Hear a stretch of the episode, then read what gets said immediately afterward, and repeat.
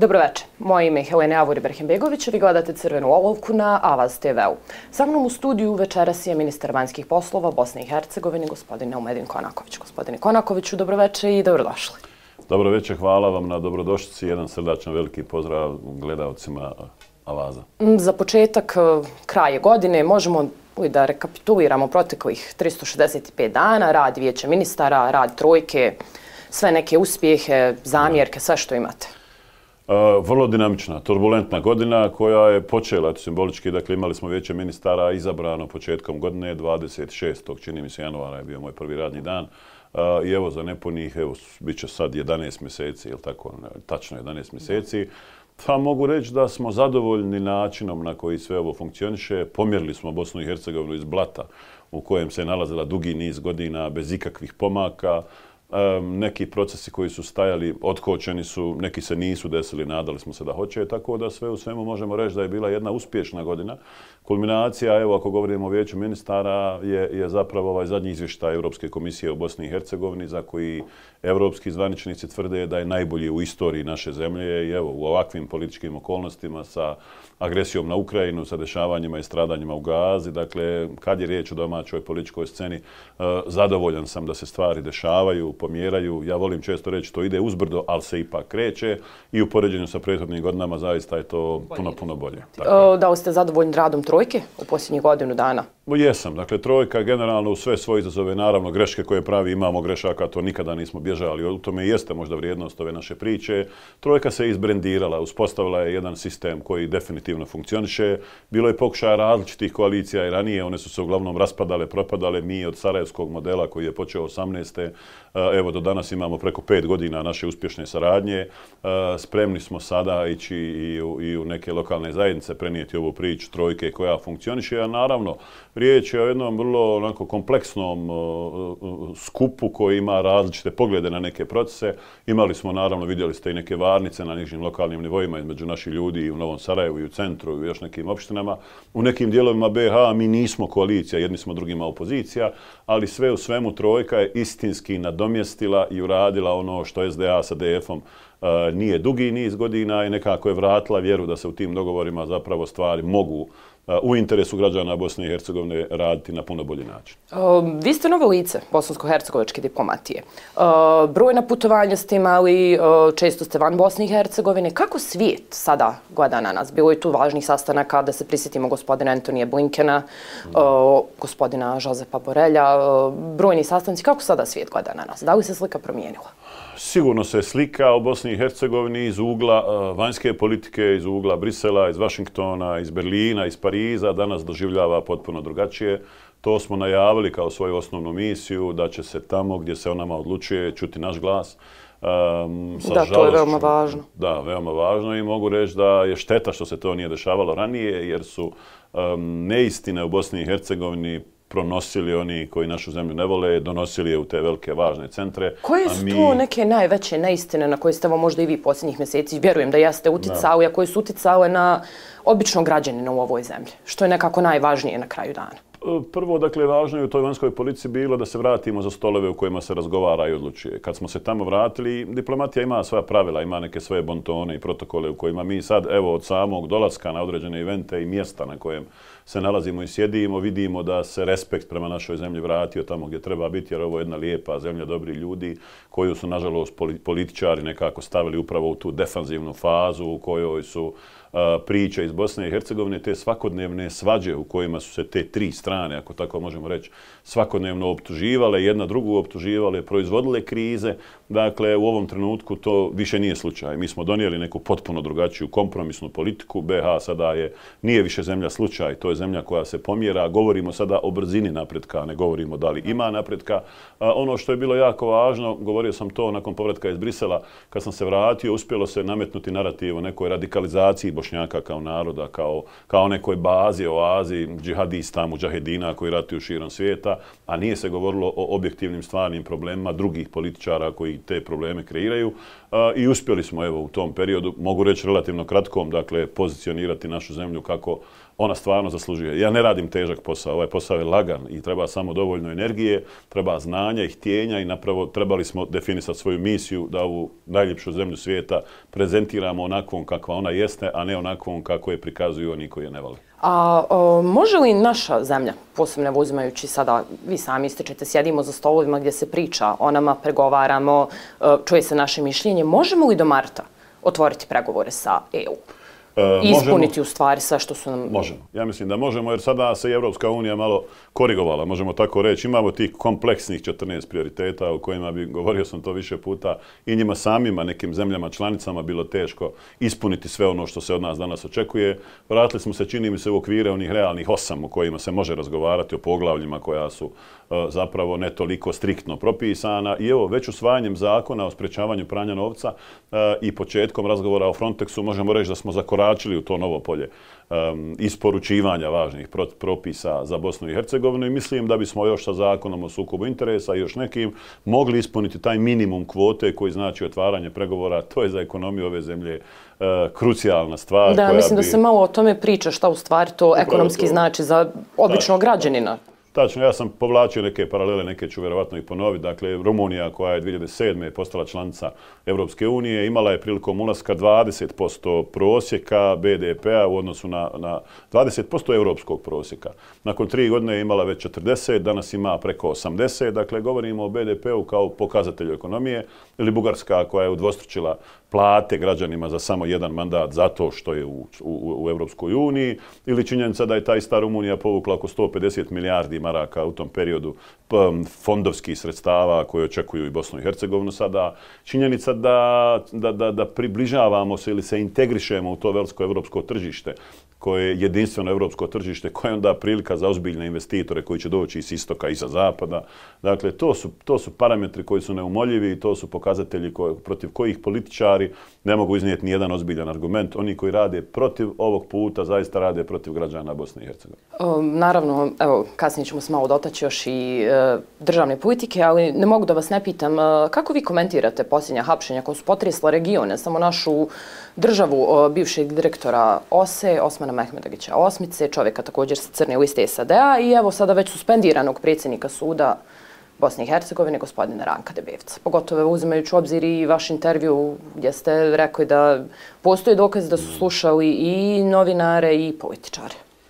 Mi smo se u jednom krugu mojih prijatelja znali šalt na način da u nekim grupama koje napravimo razmijenimo neke interesantne poruke da one osvanu na portalima tih režimskih medija koji su bili zaduženi za širenje i spinovanje neistina, ovaj, imali smo konkretne dokaze da ono što mi pričamo telefonima i što nije istina, čak i ono što se šalimo, završava na nasloncama takvih portala. Naravno, bilo je ozbiljnijih primjera u kojima su ljudi svjedočili, ljudi koji rade u sigurnosnim agencijama, dolazili su bez telefona, šunjajući se s kapama, da nam objasne da nas posebno rade, da smo na nekim mjerama. Dakle, mi nemamo taj egzaktan dokaz da imamo tu naredbu. Usmene su bile naredbe. Kada sam o tome govorio prije nekoliko mjeseci, kad sam rekao da uništavaju tragove, kad sam rekao da, jer sada kad je pao taj sistem, kad je ta glava zmaja, kako sam ja i govorio, kad je sklonjena dakle, sa tog mjesta direktora obavešteno sigurnosne agencije, onda su se ljudi u sistemu hrabrili da nam donesu neke dokaze, konkretne papire, brojeve i u tim brojevima strašno je da preko stotinu takvih predmeta u OSI, o tome sam govorio, e, nema im traga. Evo, ispostavilo se da je to u koordinaciji sa predsjednikom suda. Još se nije ispostavilo, ali dokazi u tom pravcu govore. Um, govorili smo i o toj sprezi, slike su bile predsjednika suda sa, sa Mehmedagićem kad, kad su bili njegovi predmeti u pitanju. Ovo je, ovo je napokon nešto što onako cijela čaršija nešto zna, svi vide, a ne smije se o tome govoriti. Sad je važno da se smije govoriti, da se dešava, da nema nedodirljivih, da su svi političari podložni takvoj vrsti um, nadzora i kontrole i da naravno to ne pređe u neki politički obračun kad jedni sve, ili Sve javne osobe, evo spomenuli ste i vi uh, tužiteljice na ročištu, rekao da se radi o predmetima iz 2020. godine. Uh, također je spomenuo i da je nedostaju određeni spisi iz OSE. Um, kako komentirate uh, postupak uh, gospodina Debevca? To me zanima. Vjerovatno ste uspjeli do sada pročitati uh, da je sakrio treći mobitel uh, u svom donjem vešu. Uh, bez imalo stida i srama je to uradio u jednoj, da tako kažemo, najviših i najvažnijih državnih institucija. Još uvijek mi svjedočimo da su naše institucije porozne, da one nisu adekvatno opremljene ni ljudskim ni, ni, ni tehničkim sredstvima da bi odgovorile izazovima koje imamo. Ovo je zemlja u kojoj nijedan ozbiljan političar nije presuđen za neko krivično djelo u kojem je ostvario ličnu materijalnu korist, a prvi smo na svim listama korupcije, pogotovo u javnom sektoru. Dakle, to, to je sistem koji je već odavno e, devastiran, o tome smo govorili. Ja nemam primjedbe, zapravo be, be, bezrazložno mi je prigovarati onima koji ne vole puno Bosnu i Hercegovinu, ali prigovaram onima koji kažu da je vole, a radili su na devastaciji takvih institucija, postavljanjem katastrofalnih i nekompetentnih kadrova i to nam se svima obilo glavu, ali najviše njima. Dakle, njima koji sa takvim nekompetentnim kadrovima onda ne mogu ni svoje ideje koje nisu dobre realizovati do kraja. Postupci e, Debevca kao prvog čovjeka, možda pravosuđa nominalno u Bosni i Hercegovini su katastrofalni, oni najbolje pokazuju u kakvom stanju se ova država nalazi, ali nisu iznenađenje što je najgore. Dakle, mi smo o tome ranije govorili, činjenica da je bio jedini prijavljeni za, za ovu poziciju na zadnjem konkursu govori koliko su ljudi u sistemu uplašeni, koliko se tome nije smjelo suprostavljati. Jako je važno da ovaj proces odvede do kraja, cijela istraga da dođe do onih koji su najodgovorniji, da naravno ne, pogrijedi, ne povrijedi nikoga ako eventualno nije kriv. Mm, gospodin Debevec je tako i da kažemo pokazao svoje pravo lice prilikom tog ročišta uh, izneseni su šokantni detalji, tu što je iznala šokantne detalje, citiram, on je prijetio i u Ose, prilik, uh, e, pardon, Sipe prilikom hapšenja i rekao je, citiram, ja ću se iz ovoga izvući, a ti vidi šta ćeš. Pročitao sam, kao što ste rekli, pomno pratim, naravno, vrlo me zanima jer nemam ovaj direktan kontakt, niti želim da se miješam u rad pravosudnih organa, niti od njih dobijam bilo kakve informacije, to što ja znam vidim iz medija i mogu reći, naravno, posebno me zanima i opet me ne iznenađuje. Kriminal koji mi otkrivamo, o kom smo ranije govorili, za koji sad imamo dokaze u autocestama, u elektroprivredi, u BH Telekomu, evo sad ovo u pravosuđu, pokazuje stepen, nivo bahatosti te korumpirane elite, koja je bila ubijeđena da nikada niko neće doći u posjed takvih dokaza, jer su mislili da će vladat vječno tako što kupuju, prepadaju, završavaju ruke, ko u kumovima, kako oni sami kažu. Izbor za, za, za delegate u Bošnjačkom klubu, u klubu naroda, u klubu Bošnjaka. Dakle, to su procesi koji su oni pokazali koliko i sad vidimo zašto im je stalo da, da se spriječi dolazak trojke na vlast, a zašto je nama stalo da trojka preuzme poluge i otpakuje sve pandorne kutije. Vidjet ćete takvih primjera na desetine u narednom periodu i mogu reći zbog toga sam, ako, ako rezimiram ovu cijelu godinu, neizmjerno sretan. Spomenula sam već da je tužiteljica na ročištu rekao da ima dosta na, uništenih naloga u osi. I vi ste tvrdili u jednom periodu da je cilj prisuškivanja bio afire respiratori. Vidjeli smo i neke datume koje je spomenula tužiteljica Jović. I vi ste bili nekada dio ovih struktura, tačnije SDA. Što niste ranije tražili i pozivali ljude na odgovornost? Ja sam zbog toga smijenjen, jer sam tražio i pozivao ljude na odgovornost. Super vam je pitanje. Ja sam bio u SDA na jednom nivou u kom ste mogli imati određeni stepen informacija. Progledao sam onda kad sam postao premijer kantona, kad su mi postale dostupne informacije koje ranije nisu. Ako se sjećate, evo pozivam da provjerite i vi kolege novinari i naša javnost. Dakle, nakon druge godine mandata napravio sam jednu preskonferenciju i na osnovu svih spoznaja koje imam, najavio sam obračun sa direktorima i sa partokratijom. Dakle, rekao sam da su direktori stranaka, posebno iz moje, tada kao aktivan i, i član SDA koju je još uvijek ideološki potpuno pripadao, rekao sam da neću trpiti ovo što se dešava i govorio o konkretnim primjerima. Ako se sjećate, ja sam otvorio priče i o neplatišama vode i o neplatišama odvoza smeća i o korupciji u svim tim preduzećima. I pr brojni slav, problemi. Brojnim problemima i kad sam to počeo raditi, onda su me počeli upozoravati. Imam kući jedan serijal tih medijskih natpisa. Ne talasaj, nemoj, neka te nećeš dugo, nemaš političku karijeru.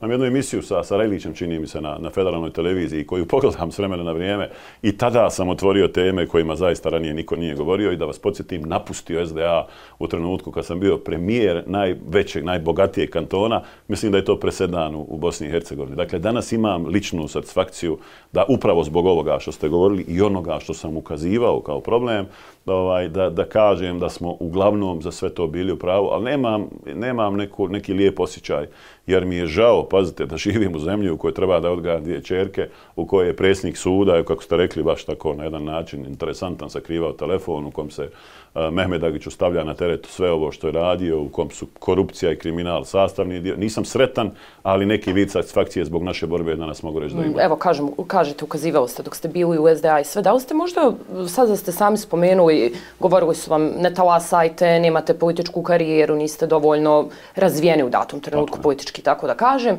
Da li ste možda primali neke prijetnje iz vaše bivše stranke povodom toga cijele situacije. Ja, ja sam i kao zastupnik u Skupštini i kao tada premijer, dakle imao neke prijetnje koje sam prijavljivao nadležnim institucijama. Nekada su čak imali ono, obilaze mi kuću najveće policija, pošto nisam dao tada u tim predmetima da imam pratnju. Trebao sam u nekim predmetima čak imati pratnju, o tome naravno isto postoje dokaz za dokumentovano, ali uglavnom su to kukavice koje su najhrabrije na društvenim mrežama uživo. Ne sjećam se da mi je neko od tih zaštitnika strašnih ikada rekao ili spočitao bilo kakvu neistinu ili da mi je barem evo, dokazao da nešto nisam bio u pravu, ja bi se javno izvinjavao za neke stvari. Uglavnom su to radili kukavički sa skrivenih brojeva, sa nekih društvenih mreža lažnih profila, napadajući porodicu, napadajući mene, napadajući moje prijatelje, poznanike. Ovaj, to nikada nije prestalo. Sad mi se čini da su izgubili zamah kad su njihove laži o izdaji, o nekim prodajama države i to potpuno raskrinkane, kad su deplasirane i kad se za, zapravo oni bave sami sobom, možda tek sad prestaje ta hajka na meni. No, ovaj, želio bih i da prokomentiramo o cijeloj situaciji hapšenja Osmici Debevca. Oglasila se samo prozvana prva žena upošnjaka, Uh, smijenjena direktorica CUSA, Sabija Izetbegović. Uh, citiram, ona u svojoj objavi istakla da je Mehmedagić pravi borac junak u svakoj situaciji i da će ona prihvatiti ako dokažu da je on nešto uradio loše. Sama premisa u kojoj e, porodica, dakle ne porodica, nego ovo dvoje ljudi, Bakir i Sebija, e, oni će nešto prihvatiti ako neka institucija nešto dokaže, polazi, zapravo pokazuje da, da oni misle da su vladari i vlasnici institucija u Bosni i Hercegovini, pa i prava većine ljudi koji u Bosni i Hercegovini žive. Oni imaju taj neki narativ o kom sam ja ranije nekad govorio i njima lično. Da, dao sam nešto ovome, dao sam Hrvatima, dao sam, dakle, polazi se od, od, to, to je zapravo ono što, što je možda njihova najveća greška. Privatiziranje institucija. Privatiziranje institucija je najveći problem koji država ima upravo zbog ljudi iz stranke demokratske akcije. Ne amnestiram ja druge, ni iz drugih naroda, ali se, rekao sam malo prije, dakle, mnogo me više sekiraju ove, jer smo mi ovu zemlju branili, teško, krvavo je odbranili, platili veliku cijenu, ljudi su dali živote, dijelove tijela i nije se smio pojaviti trend u kojem je političarima dozvoljeno da takvu zemlju uništavaju ovako kako su ti ljudi radili. Vidio sam da je nju ova priča potresla, ali se tu već malo vidi alibi neki odmicanje od Osmana Mehmedagića i to je ono što je interesantno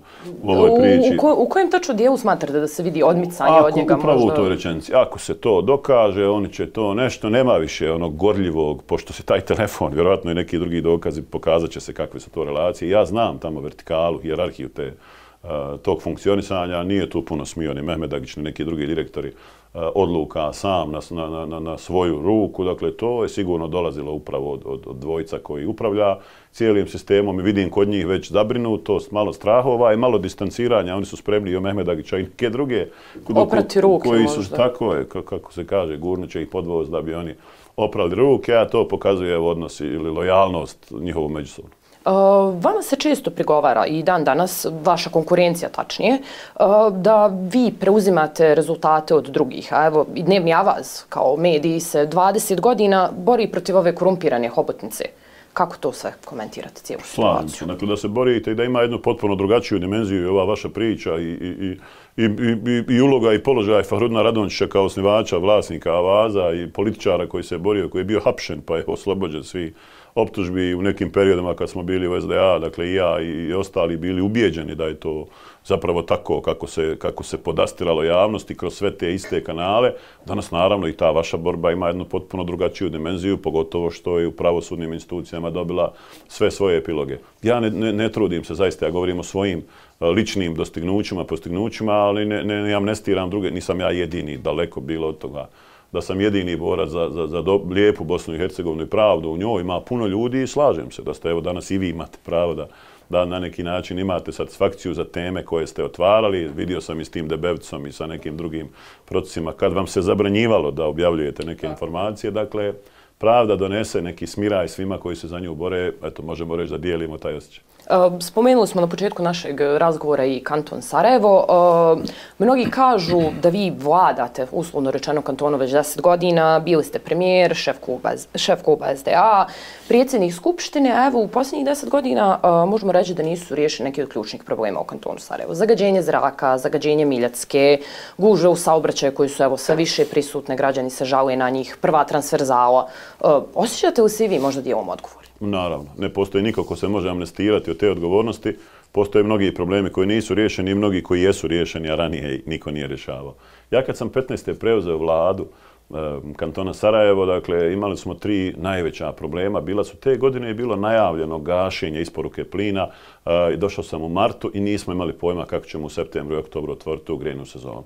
U tom smo periodu i opet taj fini Google ili vaši, vaša medijska pisanja mogu potvrditi ili negirati ovo što ja govorim. U kratkom roku smo riješili pitanje plina, snabdjevanja, stabilizirali, prešli na druge probleme.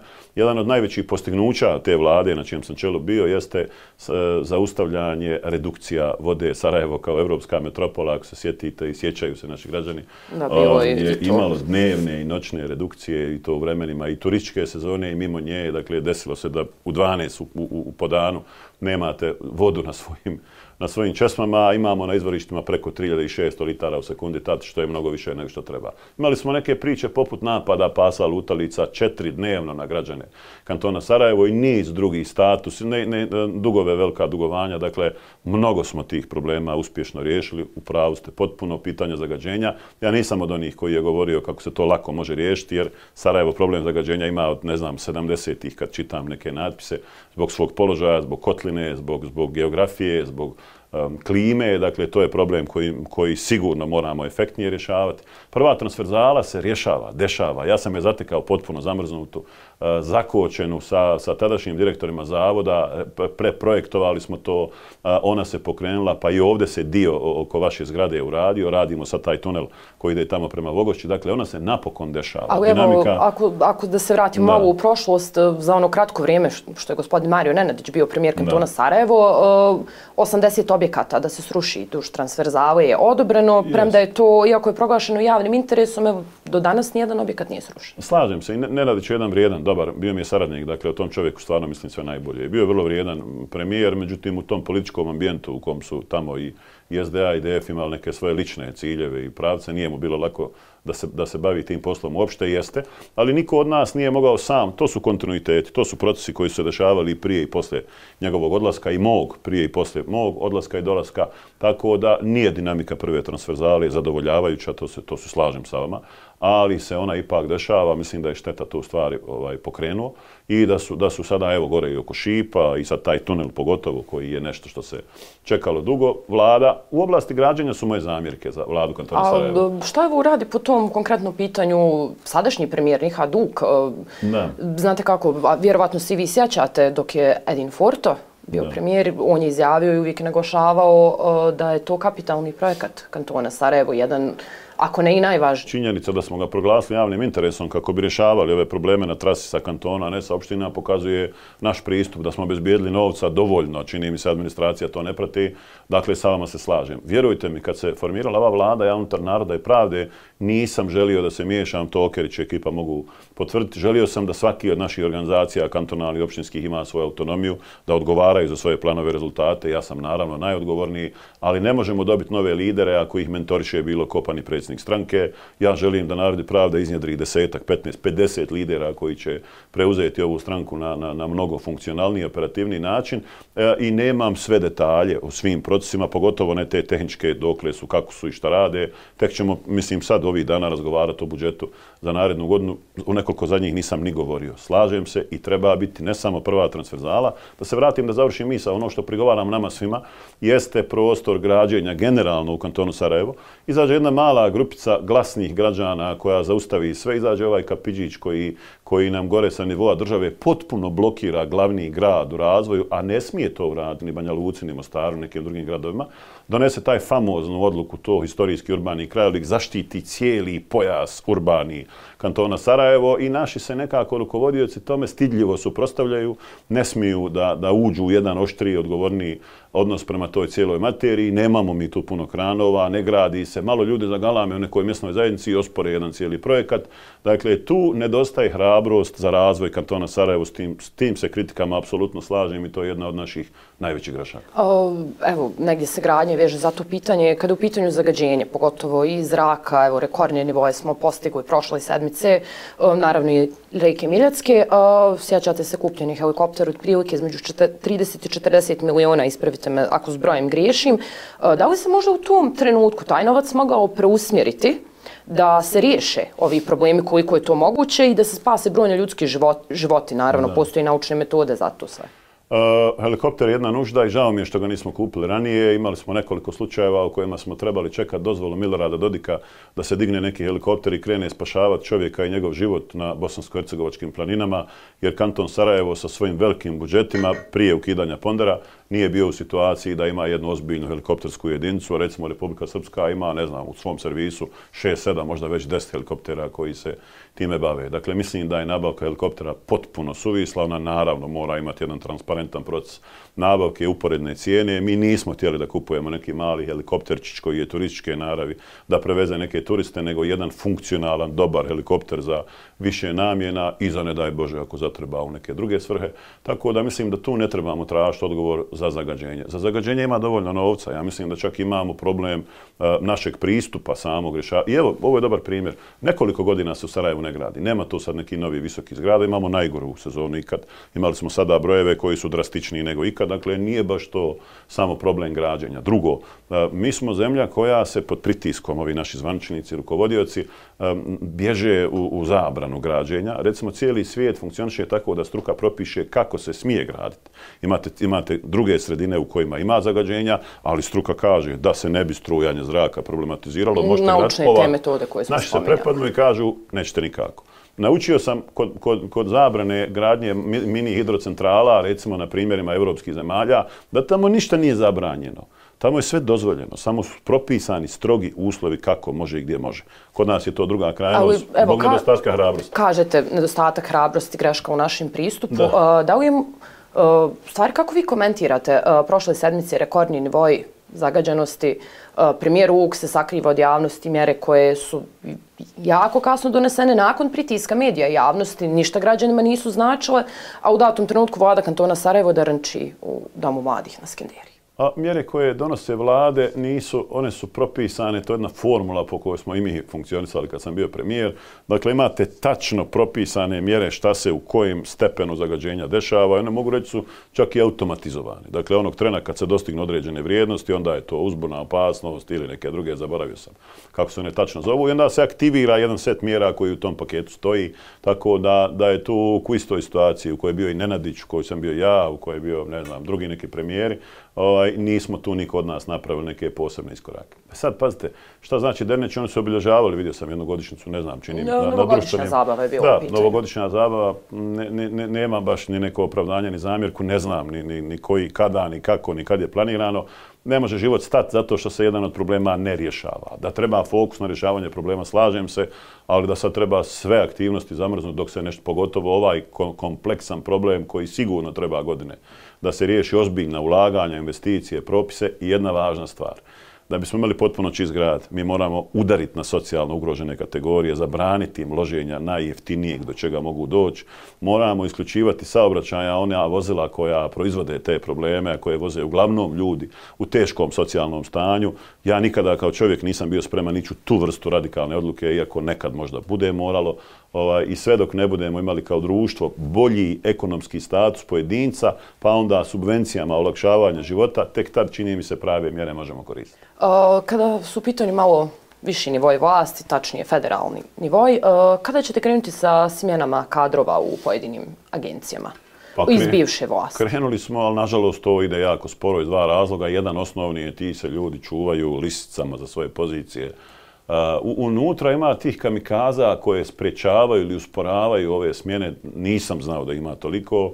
Dešavalo nam se da recimo vlada federacije usvoji neku odluku o smjeni, a da u službenom listu bude objavljen drugačiji tekst. Dešavalo nam se recimo u Telekomu da jednu informaciju koju treba da dobije nadzorni odbor od sekretarijata E, sekretarijat ne želi da pošalje, pa im kaže obratite se na osnovu zakona o slobodi pristupa informacijama, što je naravno nonsens, jer je ovo osnivač. Oni se zaista bore životima da što kasnije odu da što više štete nanesu. Druga primjedba nama jeste ta brzina ili opet nedostatak kako te te hrabrosti koja zapravo brže, evo, možemo reći, smjenjuje te ljude. Mislim da ćemo sad to tek operativno unaprijediti. Imali smo i unutar nas neke izazove oko kadrovskih rješenja s kojima nismo bili sretni, jer mi nećemo da, da njih smijenimo samo da bi ušli, tamo moraju doći bolj, doći bolji ljudi, ali ako ćemo sad podvući liniju, dakle u elektroprivredi novi menadžment, u BH Telekomu je novi menadžment, u mnogo segmenata se to desilo, očekujemo završetak, nadam se klinički centar da će ovih dana dobiti, imamo VD direktora, nema više ni gore tog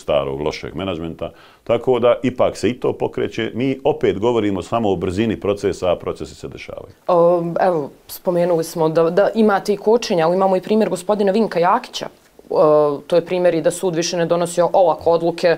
Općinski sud u Sarajevo odbio privremenu mjeru da se vrati i on je u stvari smijenjen iz svoje fotelje u Federalnoj agenciji za upravljanje. To je super primjer efikasnosti. Imali smo i takvi primjera, dakle, jedno Tako da je mo moguće to nekako i ubrzati. Evo, Nije u ovaj- svakoj. Znate kako je, svaka ta tih preduzeća ima neke svoje statute. Onda imate zakone koji kažu, zamislite kad smjenjujete nekog neodgovornog direktora, morate mu dati rok za izjašnjenje na okolnosti smjene. Ako mu to ne date, onda ga sud vrati. To je procedura koju naši ljudi ne znaju. Vidjeli ste kako se gospođa Izetbegović krila da primi tu poštu, pa i čak... To je čitava saga, e, dotačemo e, dakle, se ona je sama toga. sebi kupila neki dvadesetak mjesec dana ostanka jer se krila išla na bolovanje, ne znam, dakle, koristila se svim nedozvoljenim sredstvima i takvih je slučajeva dosta, a mora se ispoštovati zakon, jer je bilo slučajeva, evo u mandatu kad sam bio kantonalni premijer, sačekalo me nekoliko direktora koji su vraćeni mjerom osiguranja suda i ostali su tamo godinama do okončanja spora.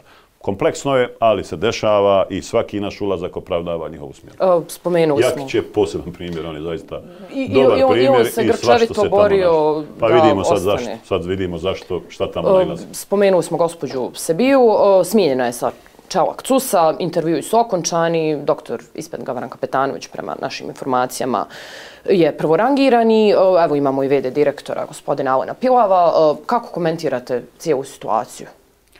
Bolnica će napokon, ako Bog da, evo već je, dakle, biti vraćena e, ljudima, građanima, bit će vraćena ljekarima koji su njoj zaista nužno potrebni. Vratit će se gore ljudi koji su brutalno protjerani u, to, u, tom, u toj najezdi mobinga prema vrhunskim kadrovima koji se politički nisu uklapali ili personalno u planove i vizije. uh, gospođe Izetbegović. Dakle, to je jedna velika i simbolička pobjeda, ali pred nama je tek izazov da taj zdravstveni sistem bude mnogo bolje organizovan, da bude mnogo funkcionalni. Dakle, činjenica da da, da, da smo gledali brutalne slike praznih eh, hodnika kliničkog centra, da je taj nivo i broj usluga katastrofalan u odnosu na sve investicije koje gore imamo, da su zatvorene mnoge klinike, da je mnogo manji broj kreveta koji opet nisu popunjeni. Vidjeli smo i simboličko, ali i vrlo značajno otvaranje kapija. Upravo to. Dakle, to je nešto što se dešava i što stvarno ima evo, za start simboličku, ali i veliku odgovornost da ljudi koji gore dođu imaju adekvatnu zdravstvenu zaštu. Naravno, tu možemo govoriti o novcu kojeg ima jako puno u zdravstvu koji je neracionalno raspoređen. Dakle, znam već sad da ima neki sumnjivi nabavki i vidjet ćete sad te informacije kojima su oni kitili kako ima tobože neki veliki pluseva, a sad ćete čuti obaveze kreditne i neke druge i obaveze koje su ispotpisivali da je to daleko od ružičastog. To je jedna važna pobjeda. Zapravo, ne znam, gospođa Zidbegović se trudila da se nametne kao prva žena cijelog procesa unutar SDA. Uspjela je u tome i zato je taj pad takvo, takvog režima zaista ima neku simboliku. Ništa joj ja privatno loše ne želim nemam nikakve privatne odnose, niti me ona posebno nešto više tangira. Oni su bivši, ali je, ali je zaista strašno što smo od tih ljudi gledali predugo. Bližimo se polako u kraju intervjua, željelo bih malo da se dotaknemo i NIPA i državnog nivoa. Špekuliše se odavno već u medijima i u javnosti. Pustio li Rasko u NIPu? Da li je u stvari Kemal Ademović taj koji upravlja NIPom iz Sjene? Nije. Nije, NIPom upravljam ja. Sve NIPove do, dobre i loše strane, na kraju sam odgovoran ja. Ja s Ademovićem imam različite poglede na neke procese, mi to glasno, javno govorimo. Ja sam najavio ovakvu stranku najavio sam stranku hrabrih, odgovornih, buntovnih ljudi koji, koje nisam okupljao da, zajedno sa svojom ekipom da slijepo slušaju mene ili neke moje vizije, niti zato imam vremena malo prije sam to govorio, dakle, pustili smo na slobodu i lokalnim i kantonalnim organizacijama da kreiraju, donose, da vidimo da li zaista imamo neke lidere i neki su se već pojavili. Vidjeli smo i u Sarajevu situacije koje smo imali u pojedinim općinama. Tako, još na centar općina Novo Sarajevo, još neke pokazale su da tu ima puno autonomije, ali da vidimo sad je li bilo nekog rezultata od te autonomije. To je naravno moj posao koji ja ovih dana radim. Lideri, hrabri lideri su vrlo poželjni, ali osim hrabrosti moraju imati jasnu viziju, mudrost, moraju imati cilj koji je ostvariv, a ako tu samo zbog hrabrosti nas zabijaju glavom uzit svaki dan, pokazuje da baš i nisu lideri. Tako da u NIP-u ima i frakcija, ima i različitih stavova, ima predsjedništava sjednica na kojima ja lupam šakama, neko drugi lupa šakama. Ja sam prvi čovjek NIP-a, nijedna odluka bez mog potpisa ne može biti Eh, implementirana, donosim odluke, savjetujem se, promijenim nekad mišljenja, nekad su kolege u pravu, nekad sam ja u pravu, dok vodim NIP bit će tako i ljudima će se tu otvarati prostor da priče o špekulacijama, o frakcijama, o udarima. Prekiće smo imali sednicu glavnog odbora, potpuno popunili organe, predsjedništvo širimo, eh, veliki je, velika, je, velika ekspanzija NIP-a na terenu, imamo nove vječnike u nekoliko opština, Sarajevskih, u Kalesiji, u Manovićima, u još nekim mjestima, evo Šuhret Fazlić, dolazak njegov vrlo važan. U Ukrajini jedna podrška i pokazatelj da mi sad baš, baš rastemo. Tako da nek se o nama govori bolje nego da se ne govori. Podsjetit ću da je iz SDA izašlo nekoliko stranaka kojima se uopšte ne govori. Tako da one formalno čak neke ni ne postoje. NIP je glavna tema i dok je tako, drago mi je. E, prošle sedmice ste vi zajedno sa predstavnicima naše stranke i SDP-a e, održali sastanak sa HDZ-om na državnom nivou. E, što je dogovoreno na tom sastanku sa gospodinom Čovićem? To je jedan u nizu naših sastanaka, imamo ih, pa mogu reći, na nekoj dvosedmičnoj agendi.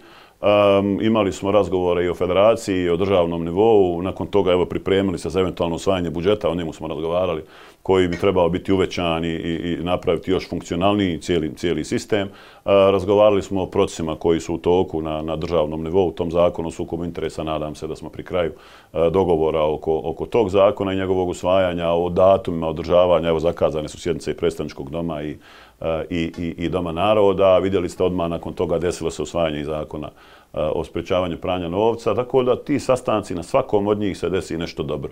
Eh, dogovorili smo se i da se napravi jedna velika, veliki skup početkom naredne godine sa konačnim stavovima oko izbornog zakona kojima mi imamo svoje zahtjeve, HDZ svoje. Nismo nešto puno tu približili stavove kad je riječ o nekim temama, o nekim jesmo. Nadam se da ćemo imati što prije izmjene izbornog zakona u dijelu Dobili ste uslovno rečeno neki rok kada su pitanje izmjene izbornog zakona. Ako se prisjetimo šta je visoki predstavnik, yes, gospodin yes. Kristijan Šmit, rekao, Slavim. vi ste izašli sa zajedničkim saopćenjem i rekli ste da ga podržavate. Trojka apsolutno podržava izmjene. Bilo bi bolje da sami usvojimo ovaj izmjene, čak i ove SDA-ove, ako budu dobre, nemam ništa protiv da, da, da ih kroz parlamentarnu raspravu eventualno doradimo, unaprijedimo ovaj, i da da takve podržimo. Dakle, bilo bi bolje da političari sami zaštite izborni integritet. Ako ne bude tako, onda Schmidt, nemam nikakvu dilemu, treba da nametne nove koje bi garantovale regularnost izbora.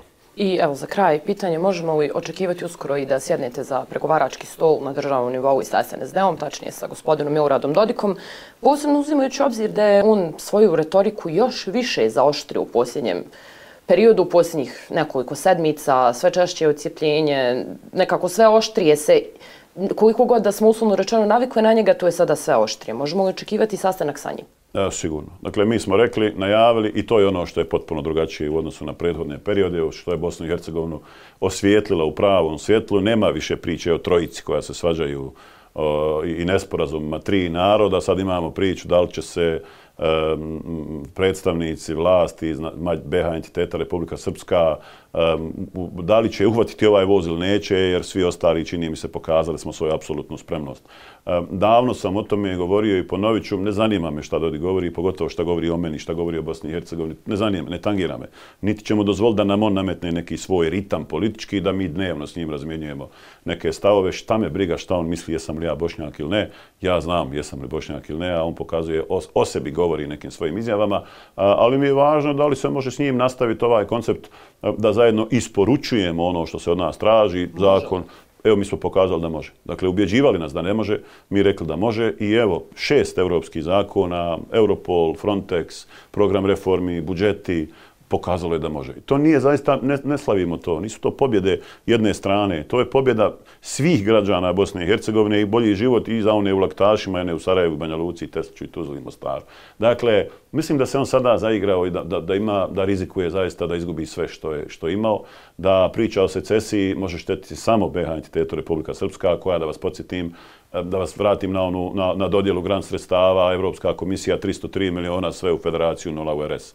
Da vas podsjetim da je 100 miliona njemačka vlast povukla projekata iz Republike Srpske zbog ovakvog odnosa i da je u najavi još više odluka koje u izolaciju vode BH entitet RS, a da s druge strane stoji šansa koja je RS zajedno sa cijelom Bosnom i Hercegovinom, dakle sve nas zajedno unutra, vodi ka evropskim integracijama i boljim platama. Dodikova su, Dodikov vokal je neprihvatljiv, neprimjeren, njemu je bespredmetno odgovarati, pogotovo ne na, na nekoj dnevnoj ostovi, čini mi se da se u tome bolje snalazi, a mnogo se slabije snalazi u ovome što bi se trebalo zvati kompromis, hrabrost, iskorak, na kraju će i on odgovarati za to. Samo da s ovim završim. Dakle, e, Republika Srpska je regija u Europi koja ima daleko najveći stepen autonomije po ključnim, važnim pitanjima.